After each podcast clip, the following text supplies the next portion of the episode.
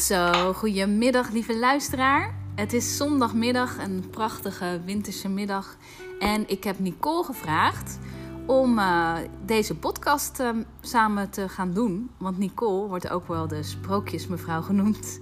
En zij is de expert op het gebied van uh, zingeving en je missie vinden en dat soort zaken.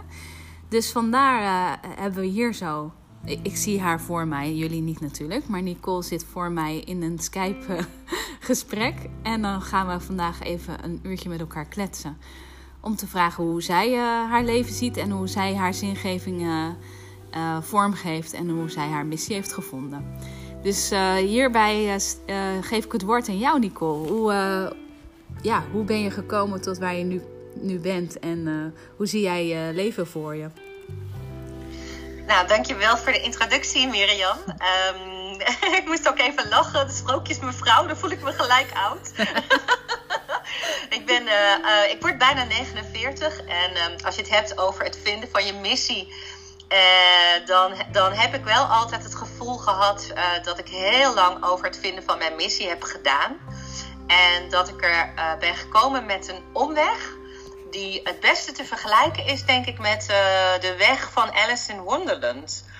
Uh, zij, hey, ik weet niet of je de film kent, maar zij tuimelt in een heel diep gat de aarde in en komt daar in een soort van ja, parallele wereld terecht. En uh, voor mij is dat de wereld van de verbeeldingskracht.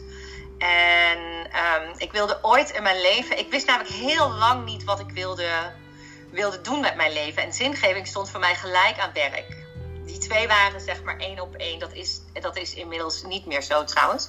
Maar ik zal daar eens even beginnen, want uh, ik, ik wist eigenlijk nooit wat ik wilde, wilde worden. Ik wist nooit wat ik wilde doen met mijn leven. Dus ik ben heel veel gaan studeren. Uh, ik heb HO gedaan uh, in Vlissingen. En ik heb communicatiewetenschap gedaan in Amsterdam.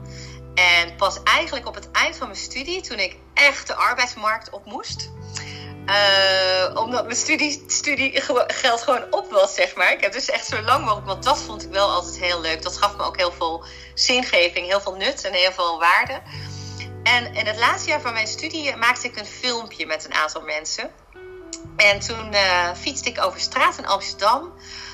En ineens was ik eigenlijk na de eerste draaidag zeg maar compleet het gevoel kwijt dat ik in mijn dagelijks leven had. Mijn dagelijks leven was helemaal niet zo leuk, vond ik niet zo leuk.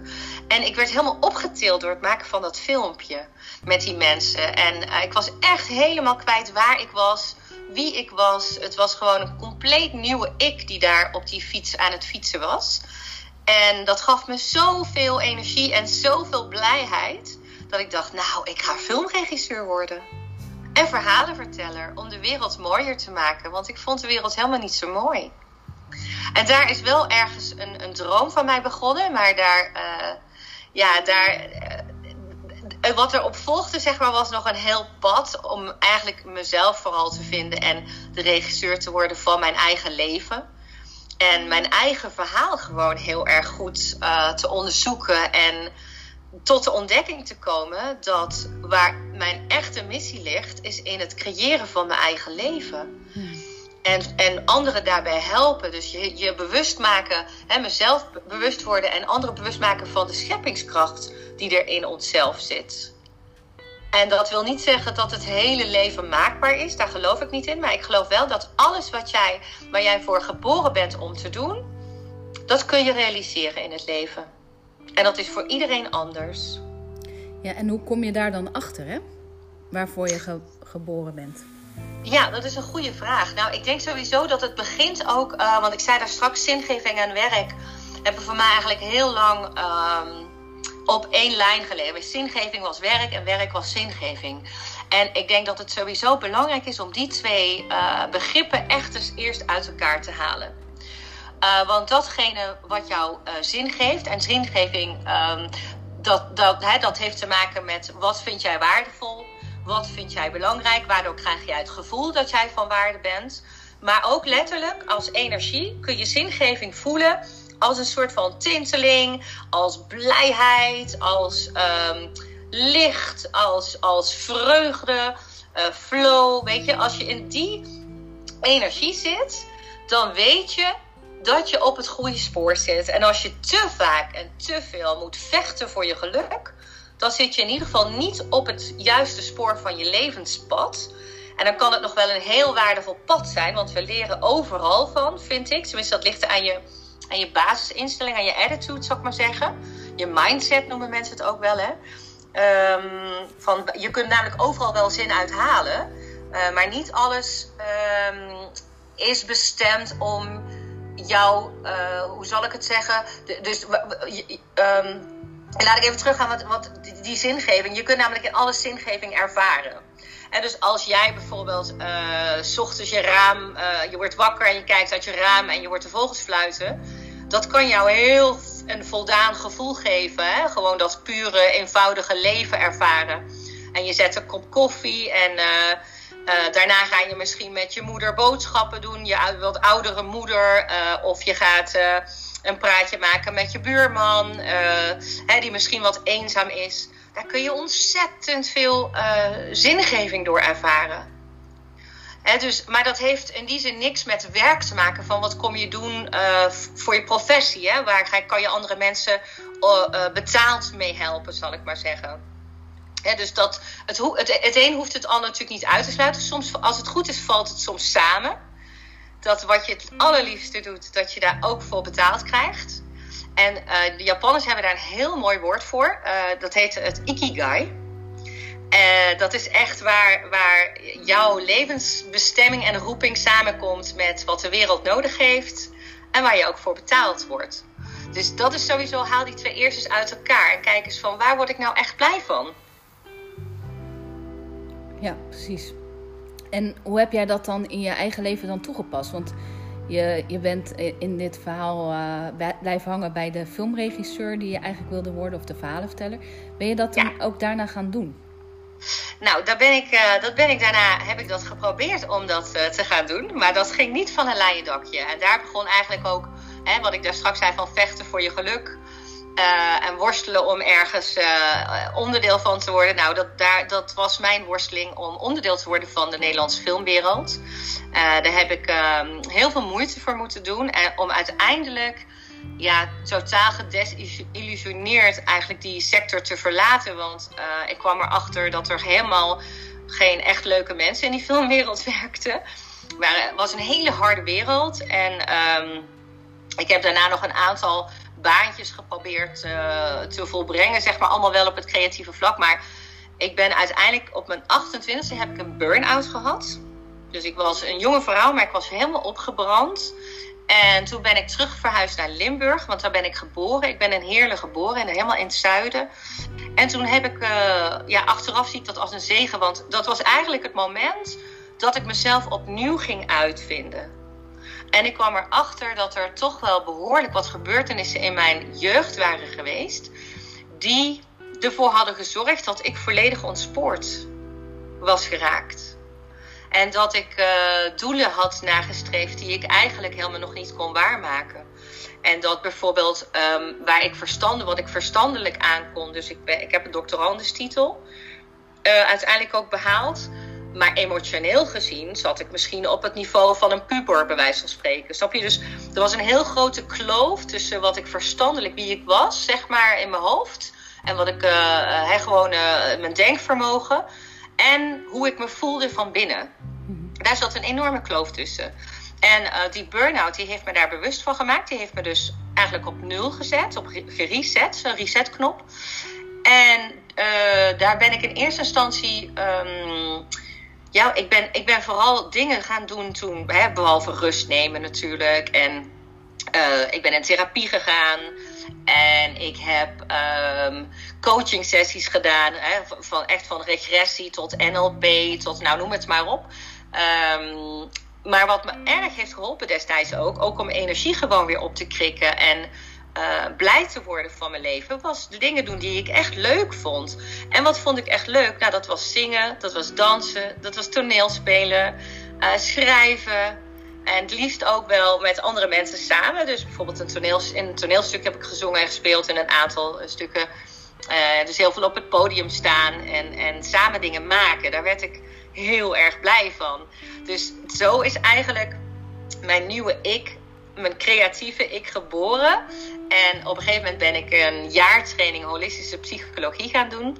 En daar kwam een beetje van alles aan bod, hè, van shamanisme tot um, uh, psychodrama, uh, allemaal methodes, astrologie, allemaal methodes om, ja, om je terug te brengen naar jezelf, om je terug te brengen naar je gevoel, om uh, anders te leren kijken naar bepaalde gebeurtenissen, om opnieuw liefde, om echte liefde te ervaren voor jezelf.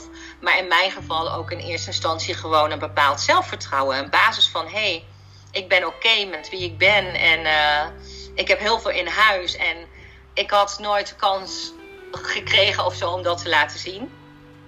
Totdat ik besloot dat het genoeg was. En uh, ik werd uh, op een gegeven moment had ik, hè, toen begon mijn leven weer te lopen. En ik had een hele leuke baan eigenlijk als communicatieadviseur. En ik had een appartement. En dus ik begon echt leuke stappen te zetten. Mijn rijbewijs binnen vijf maanden gehaald. En ik werd weer ontslagen. En om een flutreden. En ik dacht echt, nou is het klaar, nu is het genoeg. Ik kan dit beter zelf doen, dit ondernemen. Dus, en toen ben ik gaan ondernemen en ook dat lukte uh, wonder, wonder wel goed. Want ik was binnen vijf maanden was ik financieel onafhankelijk. En dat ben ik gebleven tot op vandaag. En eigenlijk pas bij dat ondernemen viel ook alles op de plek voor mij. Al mijn talenten kwamen gewoon uh, ja, als vanzelf van pas, om het maar zo te zeggen. Want wat ben je toen in eerste instantie gaan ondernemen? Want je praat nu over dan rond je dertigste, hè? Dus uh, 18, ja. 19 jaar geleden. Ja, ja, precies. Op mijn 32e ben ik zelfstandig geworden. Uh, en ik heb uh, uh, dat in eerste instantie gedaan als freelancer, freelance communicatieadviseur in de kunst- en cultuurwereld.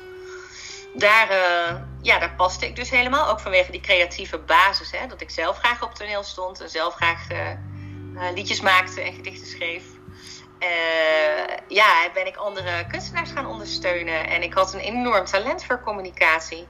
Ik heb daar eigenlijk nooit moeite voor hoeven doen. Dus het schrijven ging vanzelf. Dus dan begin ik, ik ben begonnen met hele simpele dingen, eigenlijk persberichten schrijven. En um, uh, kleine campagnes opzetten. En uiteindelijk uh, ben ik uitgegroeid tot een volwaardig communicatieadviseur die hele projecten kon leiden en crowdfunding campagnes kon leiden. En, en uh, beleidsplannen heb geschreven op dat gebied. En ja, het is dat. En daar voelde ik ook wel echt heel duidelijk, omdat creativiteit, maar ook wel eigenlijk een stukje spiritualiteit, mijn leven hadden veranderd. Echt, 100, echt 180 graden. Dacht ik, ja, maar dit moet iedereen weten. Dat, dat dit bestaat, dat dit kan. En dat er een plek is voor jou op deze wereld. En, dus ik voelde me ook wel een beetje een zendeling. Ik had eigenlijk een, uh, een boodschap voor de wereld en die wilde ik naar buiten brengen. En ik kon dat het beste doen blijkbaar in de kunst- en cultuurwereld. Tot een jaar of zes geleden. Toen is mijn leven weer op een heel ander spoor terechtgekomen. Maar toen ik al, zeg maar, die, die periode dat ik dus die omslag heb ervaren als zelfstandige. Toen dacht ik ook echt van ja, maar dit is waar het echt over gaat. Over je eigen leven vormgeven.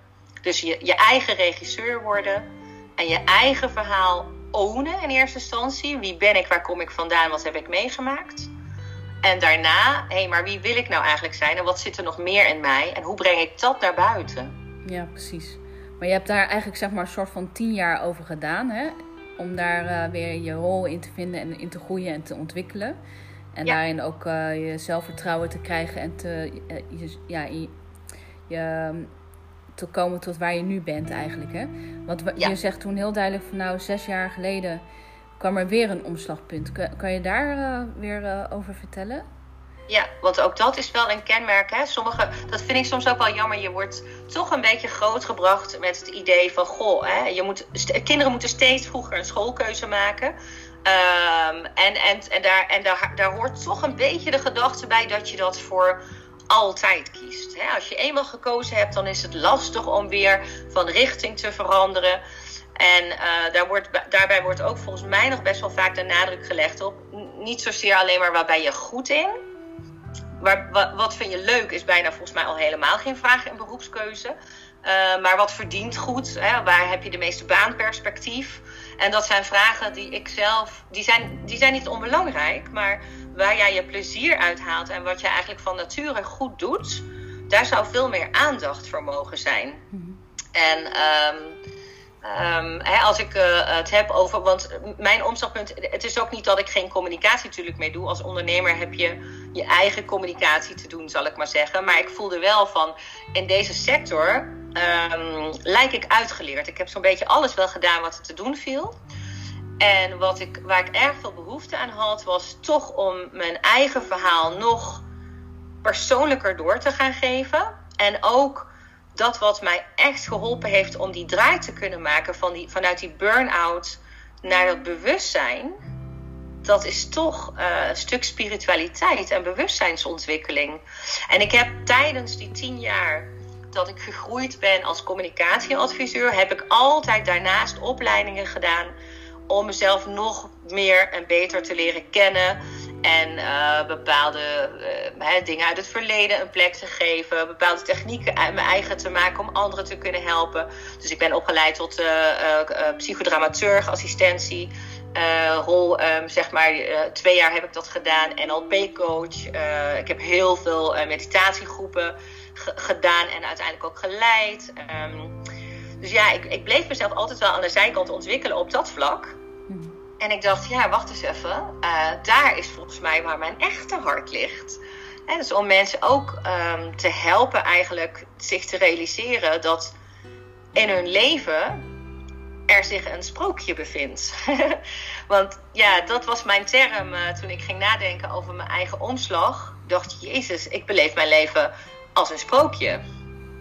Uh, bepaalde dingen die ik echt voor onmogelijk hield, die zijn in die tien jaar eh, dat ik zelfstandig ben, die, die zijn allemaal één voor één uitgekomen. En dat ging echt van hele basale dingen tot een, van een appartement in eerste instantie, daarna een eigen huis. Um, ja, alle opleidingen die ik heb gedaan. Ik heb een stuk uh, pelgrimstocht uh, gewandeld. Drie maanden ben ik er tussenuit geweest om naar Santiago te lopen. Ja, dat was ook een hele bijzondere ervaring. Dus ja, en ik, ik leefde echt volgens mijn eigen regels, weet je. Um, ik ging fluitend naar mijn werk, ik verdiende goed.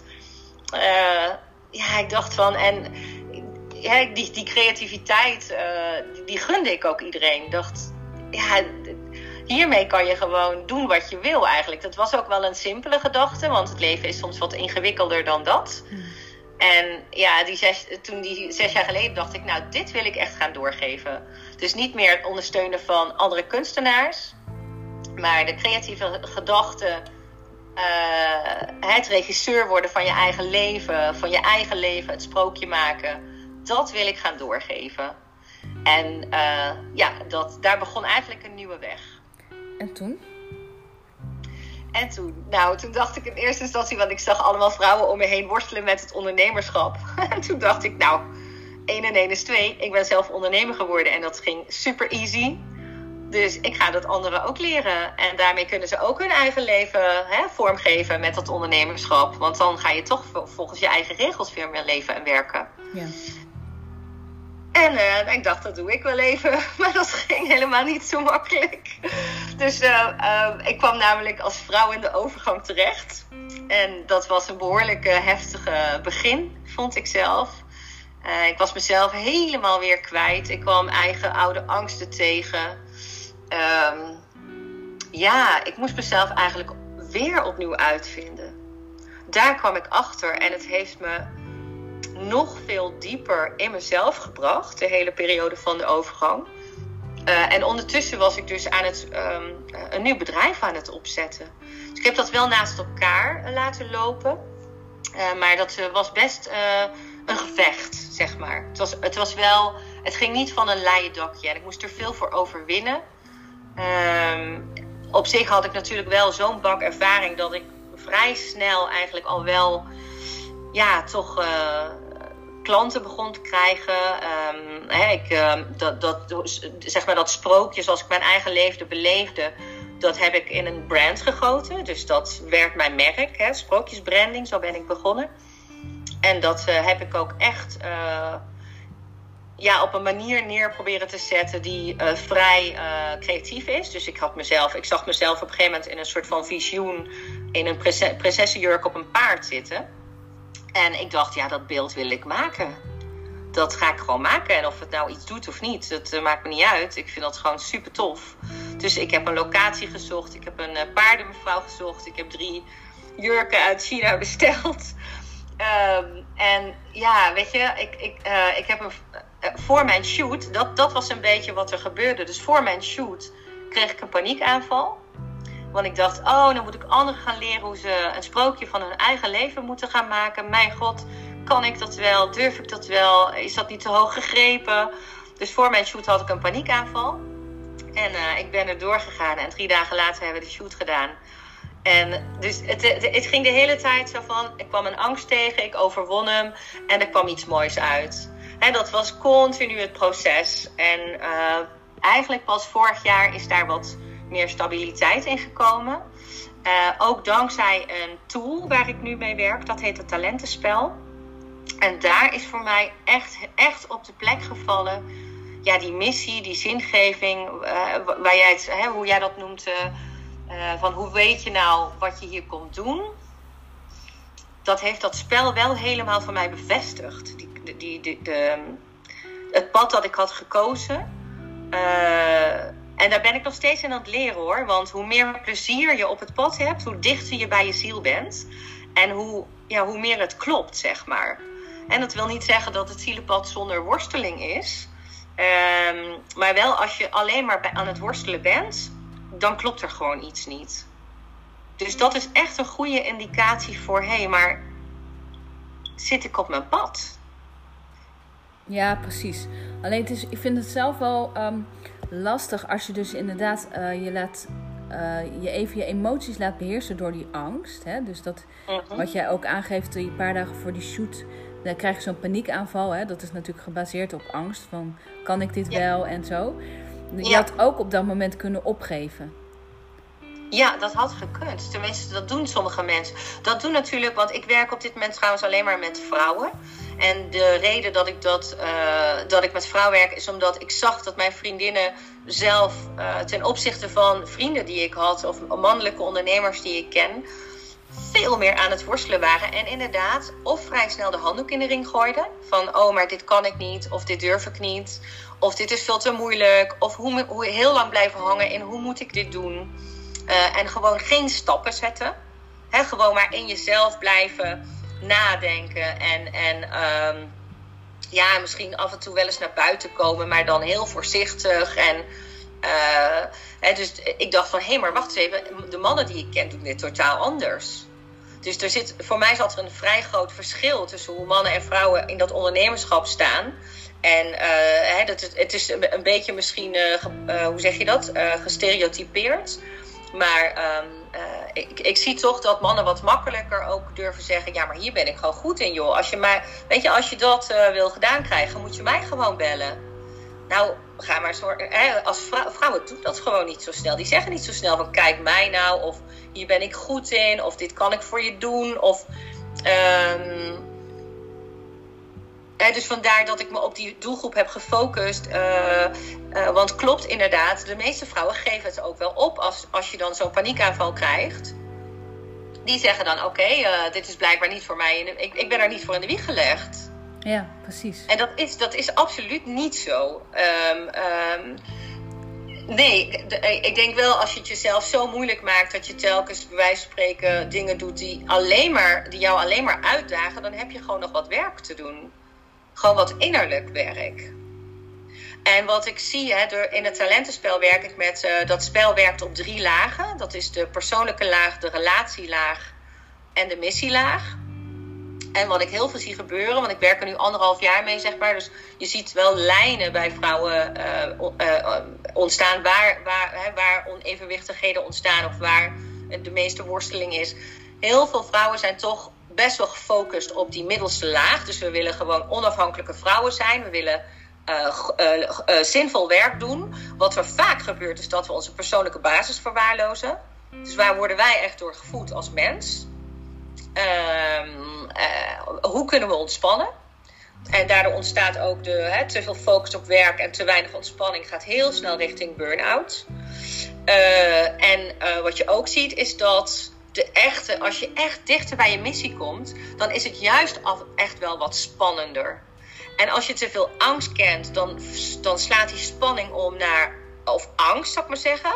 En uh, als je goed ook contact hebt met je, met je hogere zelf, ik weet niet of ik dat nog zo moet uitleggen, maar dan slaat de balans in ieder geval veel meer over naar uh, opwinding.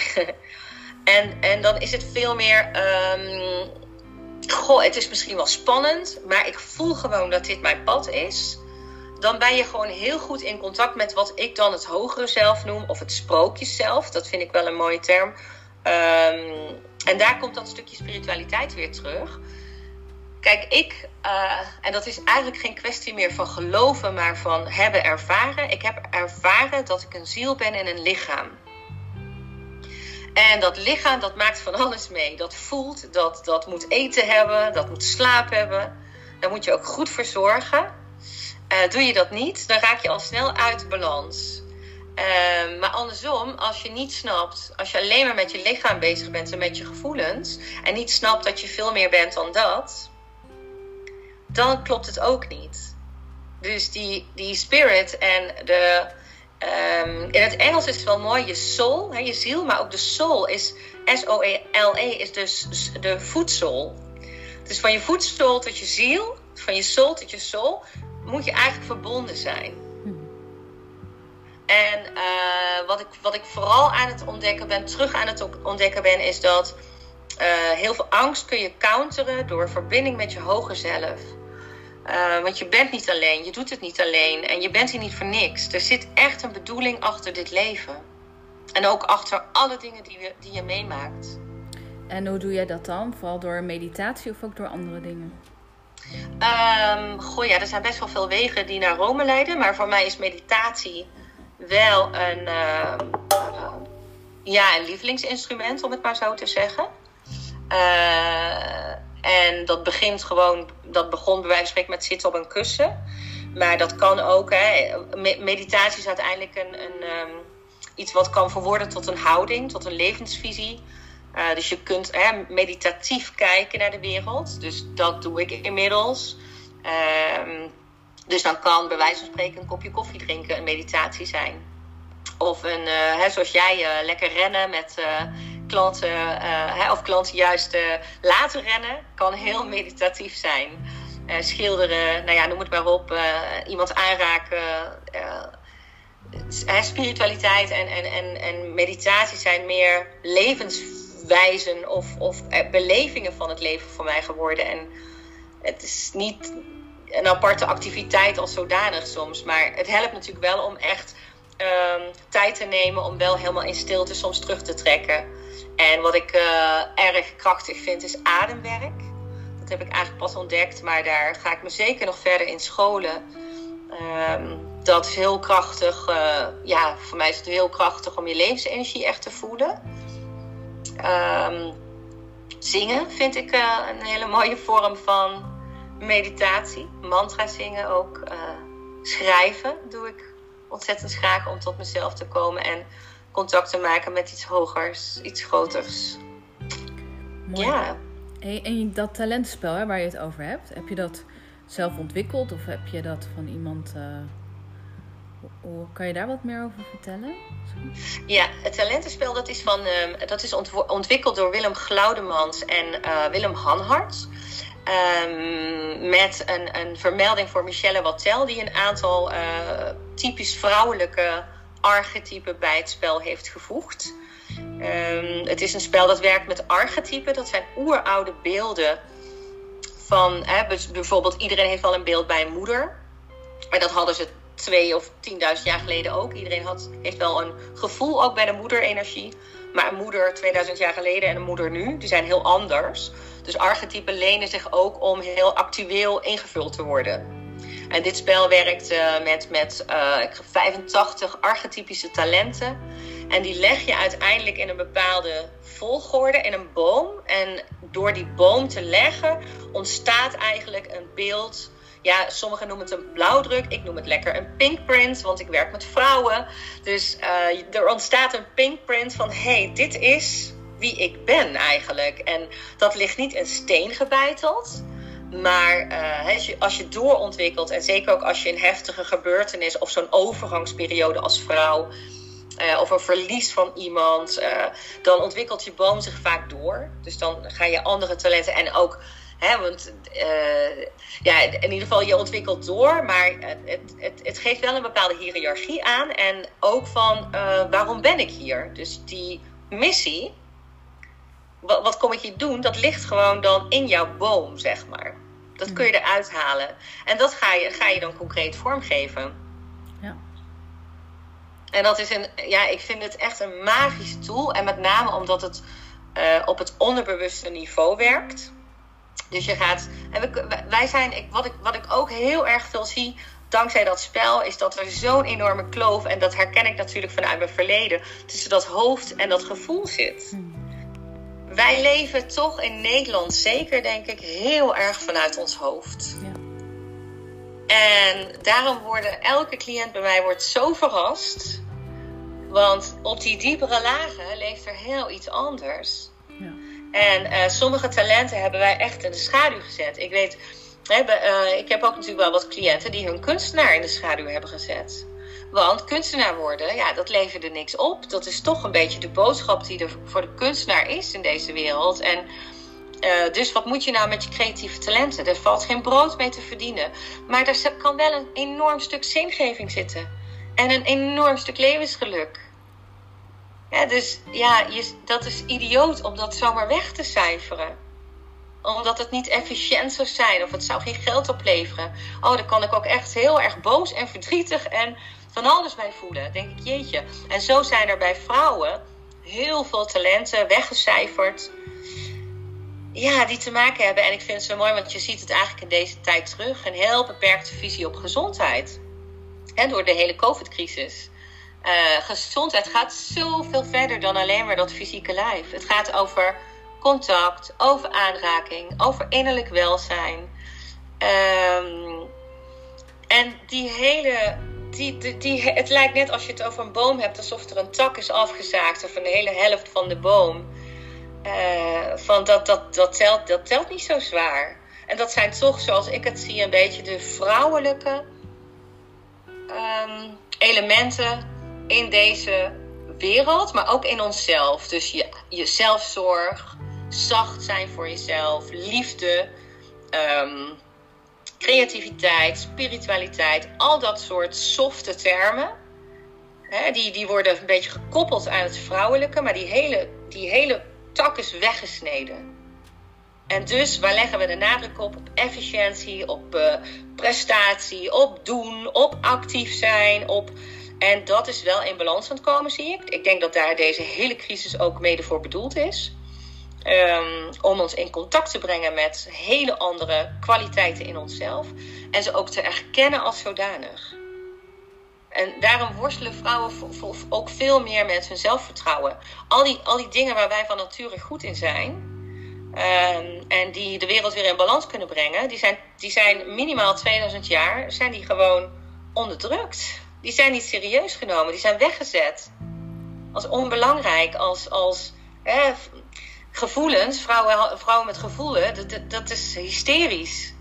Weet je wel? Dat, uh, uh, dus ons gevoel omarmen, of überhaupt wat durven voelen, daar raken de meeste mensen helemaal van, uh, compleet van de, van, de, van de wap. Wat, wat denk je wat typisch vrouwelijk is, hè, behalve het gevoel en echt meer misschien luisteren naar je intuïtie? Uh, kunnen liefhebben bijvoorbeeld. Dat is zo'n kwaliteit die zo onderschat wordt. Zonder liefde kan er eigenlijk helemaal niks ontstaan. En er kan niks moois geboren worden zonder liefde. Niet echt iets, iets wat. Uh, hè, maar eh, ik bedoel, vrouwen zijn ook. Het is, want vrouwelijk en mannelijk is in ieder geval wel zo dat vrouwen en mannen hebben beide energieën. Dus um, ik, ik ben zelf vind ik, ik heb mezelf lang geassocieerd met een mannelijke vrouw, omdat ik nogal van de daadkracht en ik doe wel mijn zegje, weet je wel, ik kom voor mezelf op en uh, dat wordt toch voornamelijk geassocieerd met mannen. Uh, dus het zit wel in ons allebei, maar ja, over het algemeen de wat meer, aan de ene kant de wat meer zachte eigenschappen.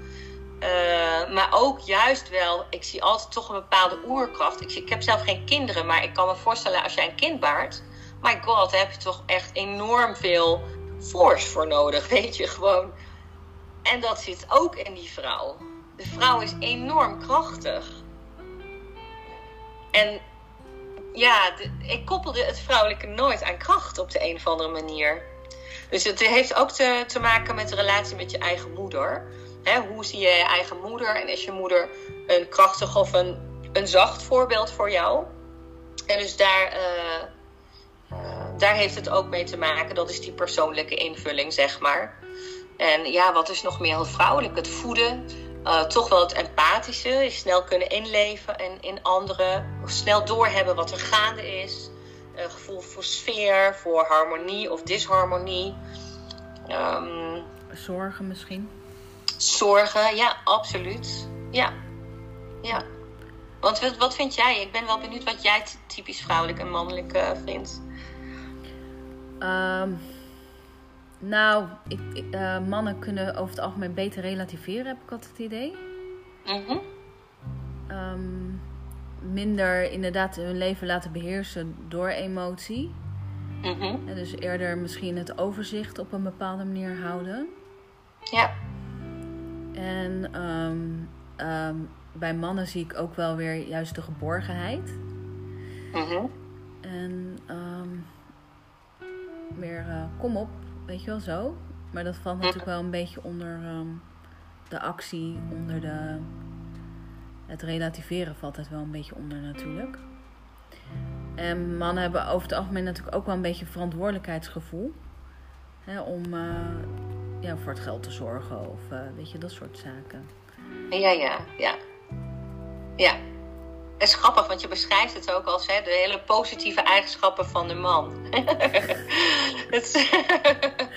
en dat heeft hij ook. Dat is ook. Terwijl ik wel denk, als je hè, uiteindelijk je spirituele talenten bijvoorbeeld ontwikkelt, krijg je ook uh, in ieder geval ook als vrouw veel meer relativeringsvermogen. Omdat je wat meer in dat grote plaatje zit. En het klopt wel dat soms lijkt het me heerlijk om een man te zijn, puur omdat ze echt minder voelen. Ze voelen gewoon vaak, hè, over het algemeen toch minder, uh, zijn toch meer iets ook met dat hoofd bezig en in die actie. En oh, dat lijkt me ook af en toe heerlijk. Want ja, als je echt een gevoelsband bent, kan je heel snel overspoeld worden door uh, wat je allemaal voelt. En te veel rekening houden met iedereen, waardoor je zelf niet uh, aan je trekken komt. Hmm. En inderdaad, heel veel vrouwen zijn toch vooral aan het zorgen voor anderen. Dus op het moment dat je zegt van uh, zet jezelf eens op nummer 1, oeh, oeh, oeh, dat is toch best wel lastig. Ja. Terwijl het grappige is, vind ik ook wel weer, als vrouwen zorgen, juist omdat ze vaak automatisch met anderen bezig zijn en aan anderen denken, als vrouwen dus gaan leiding geven. Uh, en je ziet ook, er zijn natuurlijk ook al heel veel um, uh, onderzoeken gedaan naar stijlen van leidinggeven, bijvoorbeeld, dus het verschil tussen mannen en vrouwen. Dat vrouwen veel meer sneller voor het geheel zorgen omdat ze met anderen bezig zijn. Hè, dus inclusief leiderschap. Uh, in, de, in het uh, talentenspel is dat mooi. Heeft de, functie van de leidsvrouwen is heel erg daarop gericht. Dus inclusief leiderschap. En dat is op de lange termijn veel beter voor onze maatschappij. Want je denkt gewoon aan het geheel. En je ziet ook de verbindingen sneller tussen wat je doet, wat je, wat je doet als uh, individu en als collectief. En, en wat voor impact dat heeft op je omgeving. Dus uh, winst maken ten koste van je omgeving, dat, dat, is, ja, dat is sowieso een beetje ons sportkapitalisme. Maar ik geloof dat daar een, een soort huwelijk tussen het mannelijke en vrouwelijke voor nodig is. Ja. Dat de talenten van beide daarin uh, zich, zich gaan vinden en vermengen. Want ja, in, in, in, we zijn echt in disharmonie met, met onze natuurlijke omgeving. Ja. En dat komt omdat het vrouwelijke niet daarin geïntegreerd is. Ja.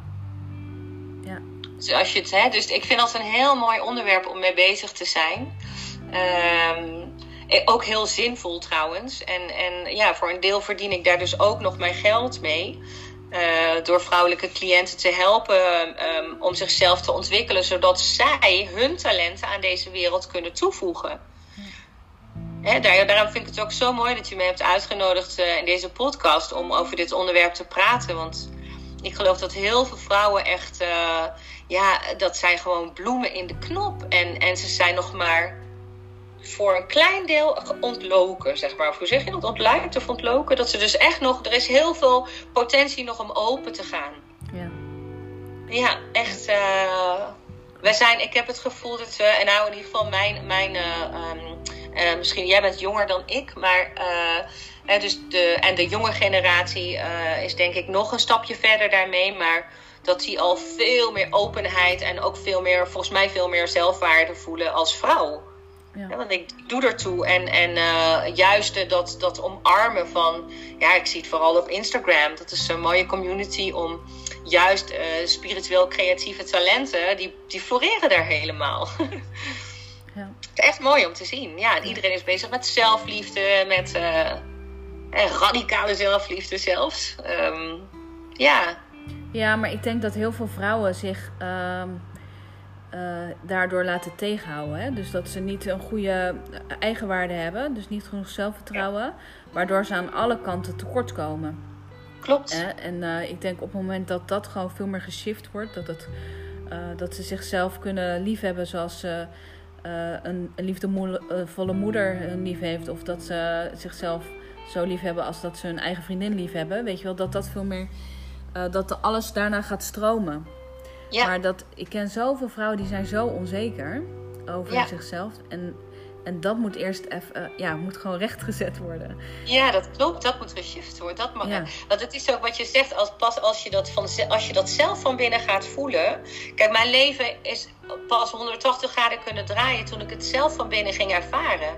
Dus er is een innerlijke shift nodig om uh, in de buitenwereld die shift te veroorzaken. Hè? Dus om echt voor jezelf te gaan staan, om jezelf lief te hebben, om voor je mening uit te komen. Op een liefdevolle manier trouwens hoor. Hmm. Um, hè? Maar in het begin ontspoort dat ook nog vaak als je te lang je eigen mening bijvoorbeeld hebt onderdrukt dan uh, uh, ga je ineens zeggen waar, oh, ga je overal zeggen wat op staat en zo. En uh, dat is een hele leuke beweging om te zien, maar dat komt wel weer in balans. Um, en ik vind het ook misschien nog wel mooi om te vertellen, want wat mijn leven echt wel heel veel zin geeft.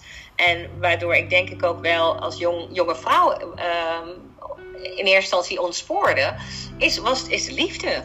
Gewoon de liefde. In eerste instantie gewoon hè, de relatieliefde. Dus één man uh, waar je een relatie mee hebt en waar je liefde mee kunt beleven. Ja, dat lukte bij mij nooit in mijn leven. Ik was veel te afhankelijk als jong meisje. En uh, ik werd heel veel bedrogen, door, omdat ik dacht van ja, ik, ik stapte dan in die liefde en ik was klaar om een relatie te beginnen. Maar al die mannen die wilden gewoon een nachtliefde. dus ik ben daar zoveel op teleurstellingen gestuurd en zo. En op een gegeven moment dacht ik, ja, nou dan.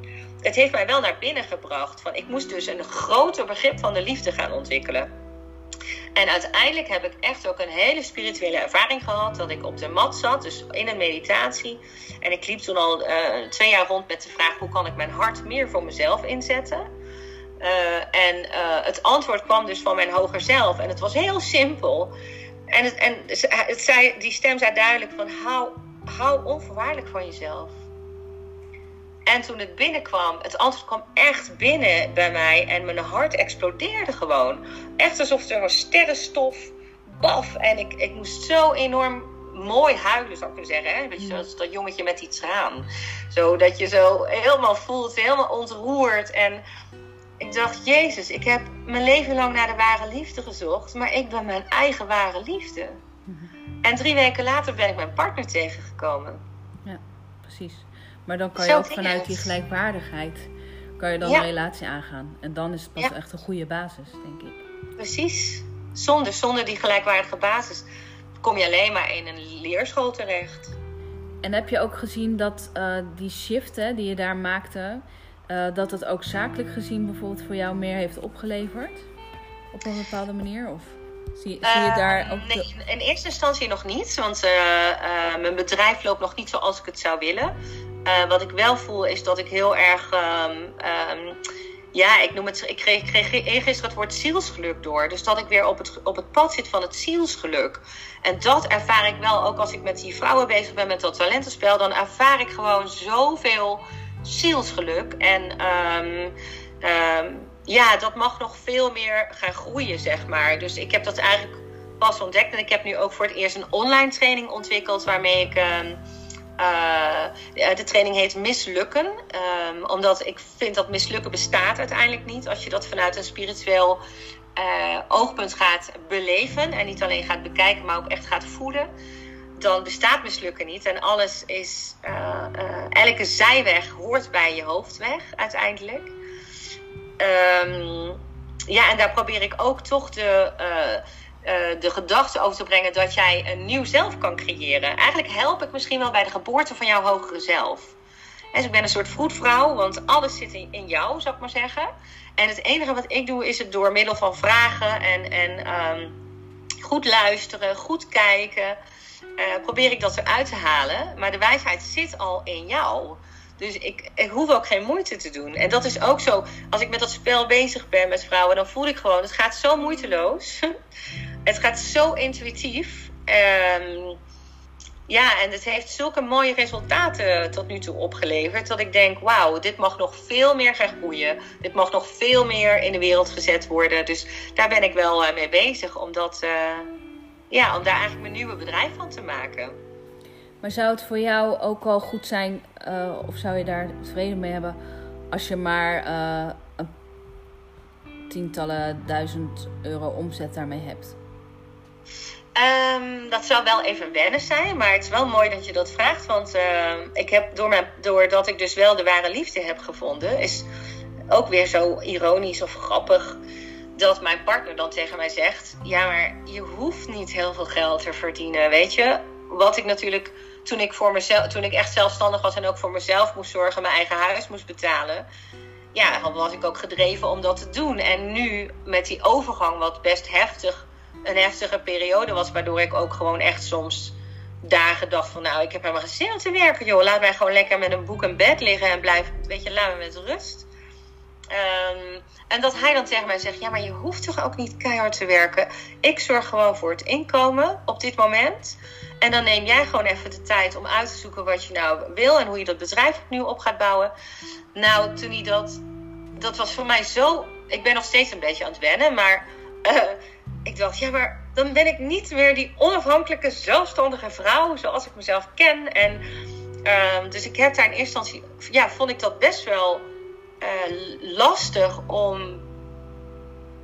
Ik vond het gewoon lastig, maar tegelijkertijd smolt ik helemaal. Want ik dacht, Jezus, ik krijg van hem alle ruimte om dat te doen. En, en um, waar, hè, het, het haalt in ieder geval een stuk bewijsdrang weg bij mij van ik moet, ik moet, ik moet.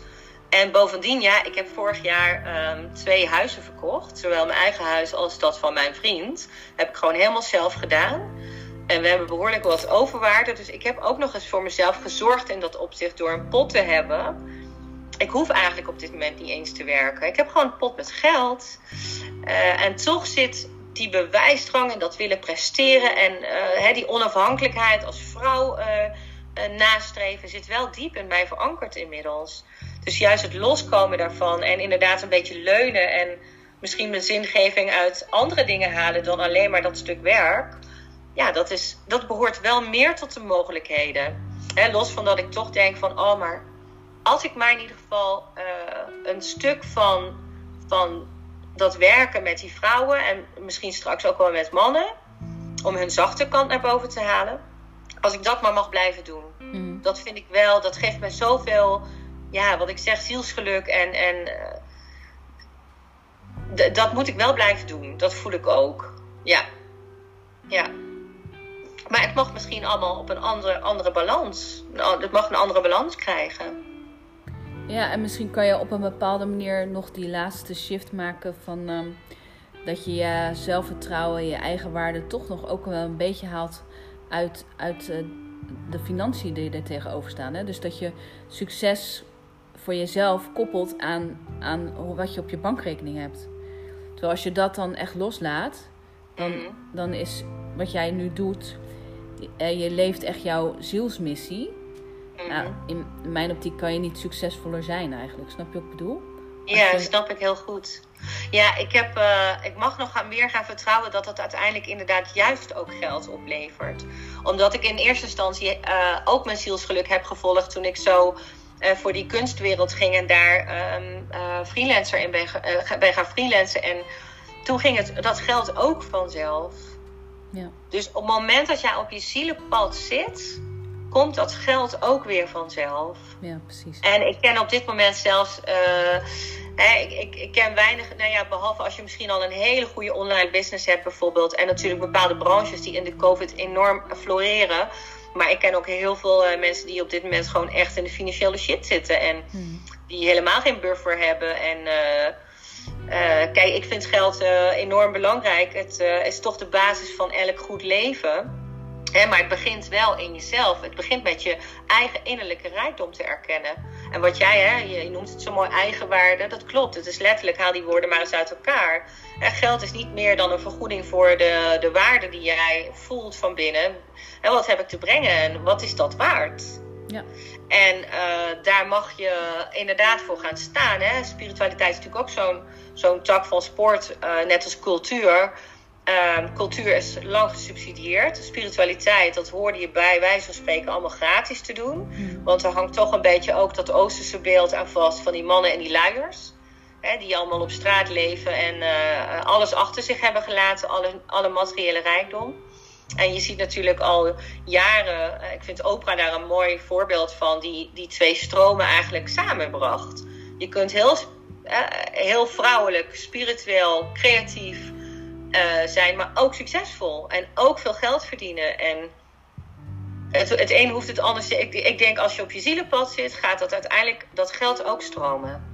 Ja, precies. Maar het is net andersom, denk ik. Ja, ja. Moet niet het begint daar niet inderdaad. Nee, precies. Ja, ja. Nou, mooi. Ik vind, uh, Ja. ja. we moeten ons gesprek uh, gaan afronden, want het is uh, bijna vier uur. ja. Maar heb je nog, zeg maar, voor de luisteraar van deze podcast, heb je nog een, uh, een tip of een, iets wat je ze wil meegeven, behalve alles wat je tot nu toe hebt meegegeven hoor?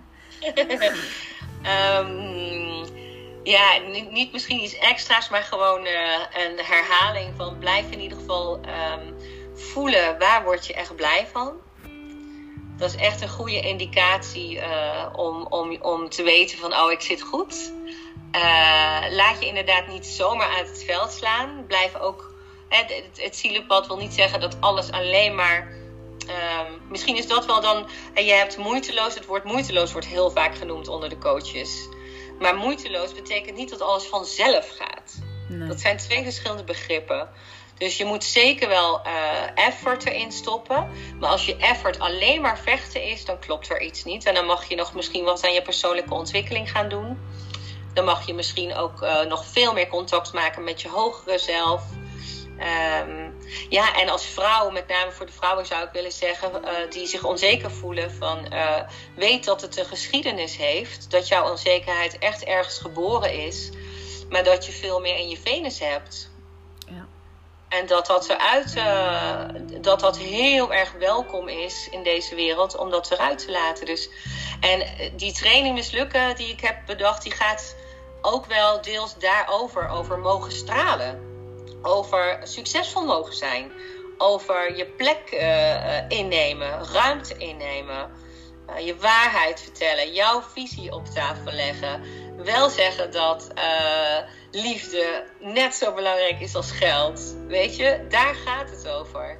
Ja. En ja, investeer gewoon ook in jezelf, zou ik zeggen. Ja, precies. Nou, dankjewel. En, ja, uh, jij bedankt Mirjam. We gaan elkaar nog zeker vaak zien en inspireren, denk ik. Absoluut, absoluut. Dankjewel.